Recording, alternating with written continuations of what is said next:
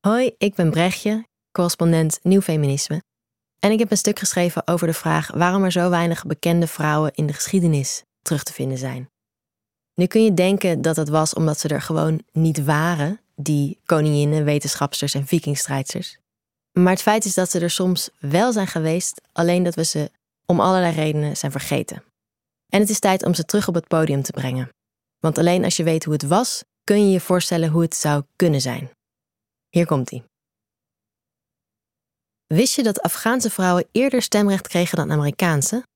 In 1919, hetzelfde jaar als in Nederland het algemeen kiesrecht werd verworven. Ooit was Afghanistan relatief progressief. Foto's uit Kabul in de jaren 70 tonen vrouwen die in minirok over straat gaan, al lijkt dat nu onvoorstelbaar.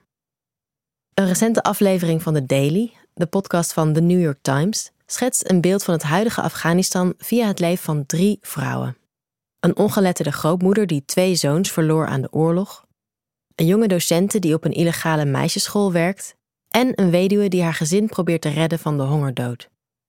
Ze vertellen hoe het hen vergaat sinds de Taliban in 2021 opnieuw aan de macht kwamen en werk maakten van de onderdrukking van meisjes en vrouwen. Hun basisrechten worden stelselmatig afgebroken, precies zoals onder de vorige Taliban-periode in de jaren 90, toen vrouwen nagenoeg niets mochten. Niet werken, niet naar school, niet zonder mannelijke begeleider over straat, niet spreken in het openbaar. Momenteel is het vrouwen opnieuw verboden om te werken voor internationale hulporganisaties. Ze mogen niet langer naar publieke ruimtes, zoals parken of sportscholen. Ze moeten volledig bedekt zijn. En ze zijn uitgesloten van voortgezet onderwijs, van middelbare scholen tot universiteiten. Het resultaat is door de Verenigde Naties omschreven als genderapartheid. Dat gaat niet zonder verzet. Zo zijn er naar schatting honderden illegale meisjesscholen door het hele land. De Taliban hebben te maken met een bevolking die in de afgelopen twintig jaar gewend is geraakt aan een ander perspectief. Vandaar dat de verslaggeefster van The Daily spreekt van een race tegen de klok. Nu herinneren veel meisjes en vrouwen zich nog goed hoe het was om naar school te gaan en om vrouwen op invloedrijke posities te zien in kantoren of op universiteiten. Maar binnen een generatie kan die herinnering uit het levende geheugen verdwijnen. En daarmee de overtuiging dat het ook anders kan. Dat de huidige extreme onderdrukking van meisjes en vrouwen niet vanzelf spreekt. Dit lijkt misschien een ver van je bed horrorshow.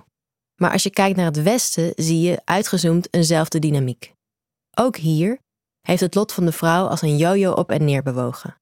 Nu eens meer vrijheid, dan weer minder.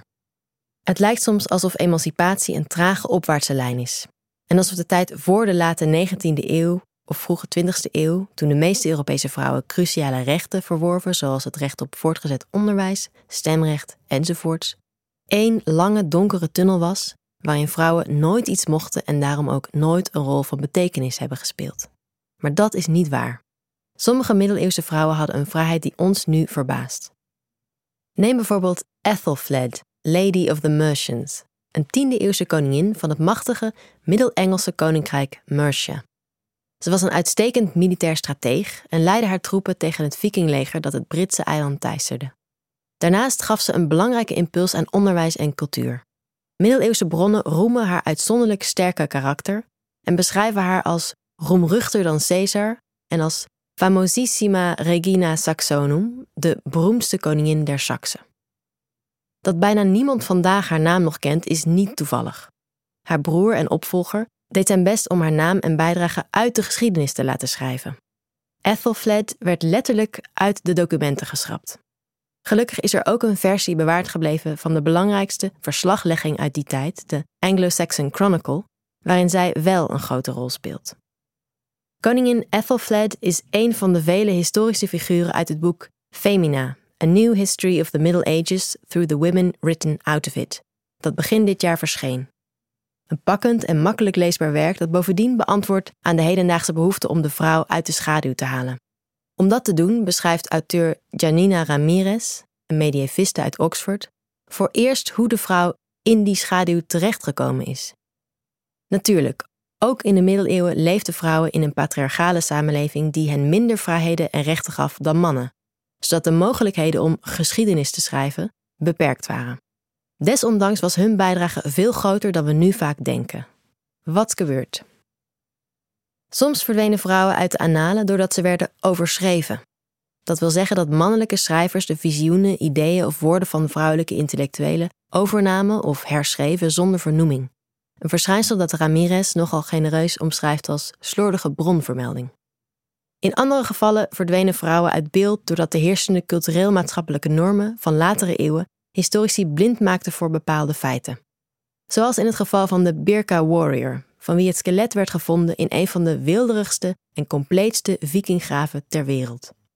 Dit overschot werd in de 10e eeuw in de Zweedse plaats Birka ter aarde besteld. Omringd door onder meer een paard, een troon, pijlen, een bijl, een speer en een zwaard. Vanwege die attributen was men het er bij de ontdekking in 1878 over eens. Dit moest een mannelijke strijder zijn van het hoogste aanzien. Maar al tijdens de opgraving rezen er vragen over de botten, die opvallend smal en licht waren, en met name over het bekken, dat breder en wijder was dan gewoonlijk voor een man. Pas in 2017, toen er DNA werd onttrokken aan een tand van de Burka Warrior, werd officieel duidelijk wat voordien onvoorstelbaar had geleken. Deze hooggeëerde militair was een vrouw. Maar het uitwissen van het vrouwelijke aandeel in de geschiedenis ging niet altijd om onzorgvuldig kopiëren van hun werk of om een misinterpretatie van historisch materiaal. Vaak genoeg werden vrouwen moedwillig uit de annalen geschrapt. Ramirez beschrijft hoe bibliotheken in de Reformatie werden uitgeplozen en ontdaan van controversiële teksten. Een manuscript kon gelabeld worden als toverij of ketterij. En was bekend dat een tekst was geschreven door een vrouw, dan kreeg hij het label femina. Dat woord, in de marge geschreven, betekende dat die tekst niet hoefde te worden bewaard voor het nageslacht. De fik erin. Ook de 19e eeuw was bijzonder onbarmhartig voor de vrouw, hedendaags en historisch. De vrouw was, volgens het toenmalige ideaal, in de woorden van de Victoriaanse arts William Acton, echtgenote en moeder, lief, attent, opofferingsgezind en verstandig. Zo onbaatzuchtig toegewijd aan de man van wie ze houdt, dat ze haar eigen wensen en gevoelens graag voor hem opgeeft. Als dit de enige soort vrouw is die een samenleving tolereert, wordt een nationale geschiedenis waarin strijdvaardige en invloedrijke vrouwen voorkomen onacceptabel. Weg ermee. Eventuele grote vrouwen, die ondanks hun onderdrukking toch iets hadden bereikt, werden uit de vertelling weggepoetst om van alle gewone mensen maar niet te spreken. Geschiedenis werd een verhaal over grote mannen, passend bij de macho-sfeer van de 19e eeuw, waarin Europese volken met tromgeroffel, stoere taal en heldenverhalen tot naties werden gesmeed. Allemaal goed en wel, zul je misschien denken, maar waarom is het zo belangrijk om ons beeld van de geschiedenis te corrigeren? Simpel. Het heden beïnvloedt de geschiedenis en de geschiedenis beïnvloedt de toekomst. You cannot be what you cannot see, schrijft Ramirez. Lees of hoor je nergens over vrouwelijke leiders, dan wordt het moeilijker ze in het heden voor je te zien of zelfs een rol op je te nemen. Verwijzend naar de narratieven van 19e-eeuwse natiebouwers en naar die van Nazi-Duitsland schrijft Ramirez: Wie de toegang tot het verleden in handen heeft, controleert de bevolking in het heden. Bepalen wie geschiedenis schrijft, stuurt het denken en het gedrag. De geschiedenis is belangrijk voor het heden. En wie morrelt aan die geschiedenis of haar in een ander daglicht stelt, kan dan ook rekenen op heftige reacties. Het nieuws dat de Burka Warrior twee X-chromosomen had, ging in 2017 de wereld over. Sommige mensen waren enthousiast over wat ze zagen als een empowerend voorbeeld voor vrouwen. Anderen maakten zich kwaad. Het overwegend vrouwelijke Zweedse onderzoeksteam dat verantwoordelijk was voor de ontdekking, ontving bedreigingen. Veel mensen, ook wetenschappers, wilden er gewoon niet aan. De Burka Warrior een vrouw kon niet. In plaats daarvan wrongen critici zich in archeologisch onwaarschijnlijke bochten om die XX-chromosomen te verklaren. Waren de botten misschien verwisseld geraakt met die uit een heel ander graf? Was er misschien ooit een mannelijke strijder geweest die om onbegrijpelijke reden spoorloos was verdwenen en voor wie deze vrouw was geofferd als grafgift? Ramirez toont aan dat de vrouw uit Birka niet de enige was die in haar tijd een dergelijke positie bekleedde. Ze bespreekt 7e-eeuwse prinsessen, 12e-eeuwse wetenschappers en spionnen, 14e-eeuwse visionairen en zet een terloopse verwijzing naar een vroegmiddeleeuwse vikingleider, allemaal vrouwen, naast de moderne westerse geschoktheid over dat idee. Wie probeert om onze blik op de geschiedenis bij te stellen, ontmoet vaak verzet. Toen ik een paar jaar terug stelde dat er meer straten naar historisch belangrijke vrouwen moeten worden vernoemd, omdat hun bijdrage aan de geschiedenis momenteel onderbelicht is in het collectieve geheugen, kreeg ik woedende reacties. Er waren nu eenmaal geen belangrijke vrouwen, fulmineerde men. Ik herschreef de geschiedenis. En toen ik recent wees op de rol die misogynie speelde bij de heksenvervolgingen, klommen er ook mensen in de pen om hun afkeuring duidelijk te maken. Vaak zegt zulk verzet meer over het heden dan over de geschiedenis.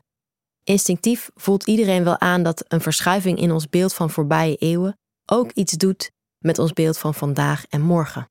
Dat is ook vaak precies waar het diegenen die de verschuiving bewerkstelligen om te doen is.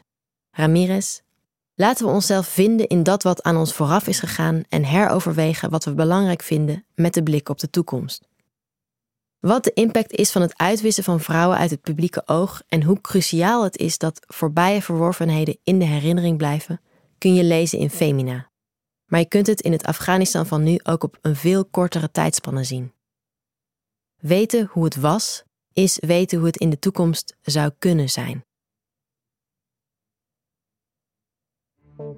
Het is de missie van de correspondent om voorbij de waan van de dag te gaan. Onze correspondenten voorzien het nieuws van context en schrijven over de grote thema's van deze tijd. De correspondent geeft me de vrijheid om mijn nieuwsgierigheid te volgen en de tijd om verhalen te schrijven. En zo probeer ik onzichtbare structuren zichtbaar te maken en een andere kijk te bieden op debatten die het nieuws domineren.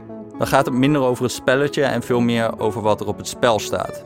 Vanaf dag 1 zijn onze artikelen, boeken en podcasts gefinancierd door onze leden. Volg ons op onze journalistieke zoektocht. Overweeg eens lid te worden van de correspondent. En maak daarmee samen met ruim 70.000 anderen onze onafhankelijke journalistiek mogelijk. Dus word lid van de correspondent.